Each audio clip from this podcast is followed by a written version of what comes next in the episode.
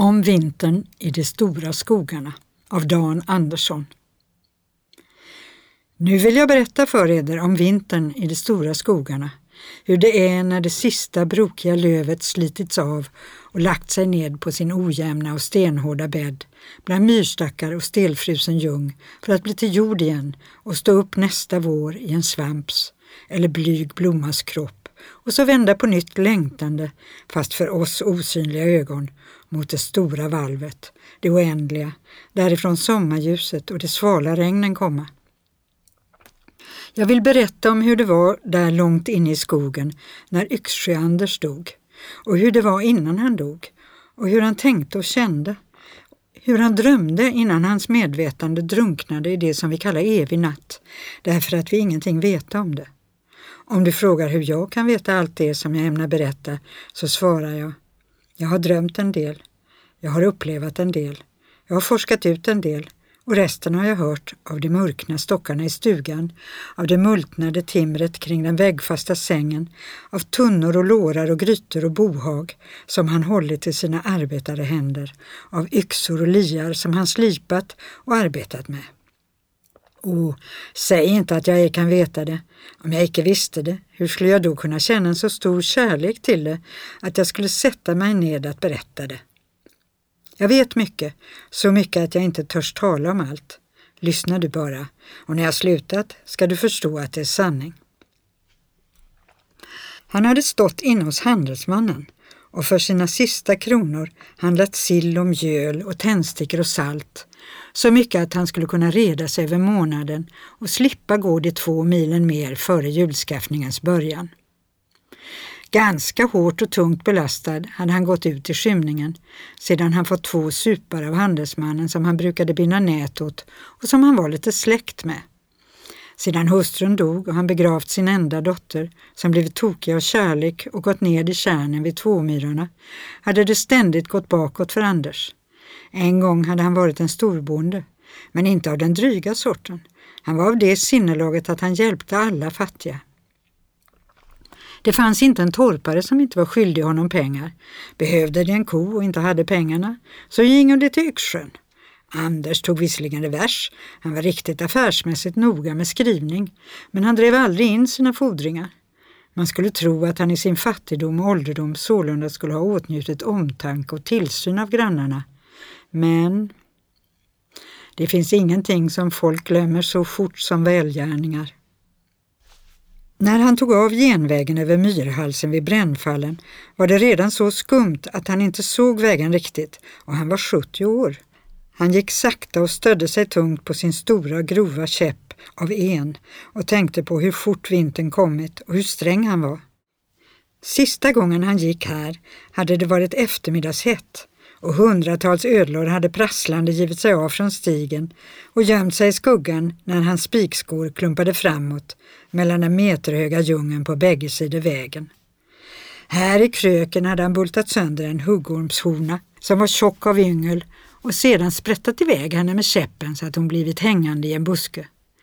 Och han hade hört kråkorna skrika ovanför granarna.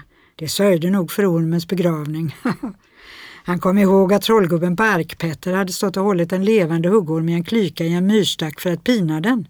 För det var ju ormen som kommit synden och stöd i världen. Men Yxsjö-Anders hade blivit blixtrande förbannad och tvingat trollgubben att slå ihjäl ormen.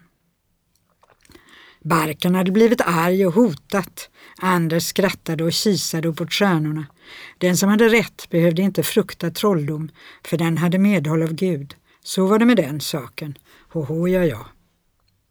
Det var farligt kallt idag och Nordan tjöt som en ond tjur och snön kom vältrande i ursinne över myren. Han var ganska trött och så såg han så klent, men han kände sig för. Så länge det var hårt under fötterna var han säker om vägen och nu hade han nog gått en halv mil redan. Han var inne i Bandarbergsskogen och det mörknade. Det var då han plötsligt kände sina knän svikta och begrep att nu fick han ta det med ro. Annars stod han nog brudgum i bårhuset i Brangen till söndag. Han var en gammal skogsman och visste att han inte fick sätta sig, men han hade tändstickor och kniv. Kunde han få en eld och bryta lite granris så var det ingen fara att vila sig och steka en sillbit på glöden och Det var fasligt vad det var ont om torrt ris.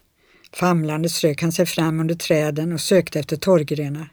Till slut fick han ihop några nävar stickor och lade dem yrkesmässigt mot en gammal kärig torrvedsstubbe och strök eld. Det lyckades och inom tio minuter hade han en brasa. Då kravlade han sig ut på vägen igen för att förvissa sig om att den var i närheten. Han gick stampande och trampande med fötterna, men det var lika mjukt och löst överallt i snön. Han hade tappat bort vägen. Men stor sak. Han skulle hitta hem bara han vilat sig. Mödosamt, skälvande bröt han granris att sitta på och satte sig att se in i stubben som brann med väldiga fräsande lågor och stora vältrande moln av rök. En sådan stubbe brinner inte ut på mindre än en hel natt, så för den saken kunde han vara lugn. Han kände sig hungrig men var för trött att tänka på fläskstekningen. Han måste vila sig först och han lutade sig mot roten av en kullfallen gran och såg drömmande in i de blodröda lågorna kring torvedstubben. Det var underligt att det kunde snöa så hårt fast det var så kallt. Och underligast av allt var frysköld och häftig storm på en gång, tyckte han. Stora moln av snö dansade fräsande in i elden utan förmåga att släcka. Det var som om själva isen och snön brann i den giriga envisa elden. Det var skönt att ha en eld och att ha ett rotställ bakom ryggen som i alla fall frös. Anders förde famlande händerna till skinnmössan och drog den nästan över nacken och näsroten. Han kurade ihop sig och gjorde sig så liten som möjligt och såg bara in i elden och förundrade sig över stormens dån i grantopparna runt om. Han var långt inne i skogen, långt från stugan. Han skulle ej orka gå hem om han stannade tills snön blivit till drivor på en manshöjd. Det var bäst att han gick, genast. Hans förnuft var starkare än hans trötthet och slöhet och med en nästan omänsklig ansträngning kom han på benen och släpade sig några steg från elden. Då måste han stanna och se på hur det brann ett tag. Han blev stående och stirrade på den vänliga värmande elden en stund, på granriset som han legat på och på det skyddande rotstälpet. Sedan slet han sig loss och gav sig iväg åt det håll han trodde hemmet ligga. Vägen var ej mer att tänka på, men han kände på sig att han gick åt rätt håll. Flera gånger var han nära att ge tappt och bli liggande, men hans gamla seghet hjälpte honom och när han stötte på Gärdesgården tre timmar efter sedan han givit upp allt hopp om att hitta hem var snön så djup i täkten att han nästan måste ta blott ett steg i taget och sedan stå stilla och vila sig innan han tog nästa. Hans storstövlar var säkert fastfrusna vid fötterna, han hade ingen känsla av dem och ryggen stormvärkte. När det återstod bara tio steg till stugdörren stupade han kull och så kröp han fram till trappstenen, ställde sig på knä, famlade upp låset och kröp in i stugan. Han hade kraft nog att stänga dörren, men sedan var det slut.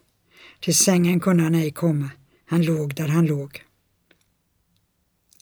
Han tyckte att det brann en brasa i spisen, en väldigt sprakande tallvedsbrasa och han undrade vem som eldat åt honom medan han var borta. Han kunde inte begripa att han låg så mjukt, att det var så varmt och att inte kroppen värkte mer. Han famlade med handen bredvid sig, fick tag i ett paket, slet bort pappret och förde det lilla fläskstycket i munnen, bet i det och lät det sedan falla ned vid sidan om sig. Han skulle äta sedan. Nu orkade han ej. Och så var han så sömnig. Brasan brann allt hetare tyckte han. Rummet blev allt varmare. Dörren öppnades och människor gingo ut och in, tittade på honom, steg över honom och talade med varandra. Sedan såg han Maja, hustrun, stå och röra i bränderna, sedan barnen som sjunger salmer med späda röster. Var det inte jul? Och rummet blev stort som en kyrka och fullt av kronor med ljus i. Åh, hur det glimmade!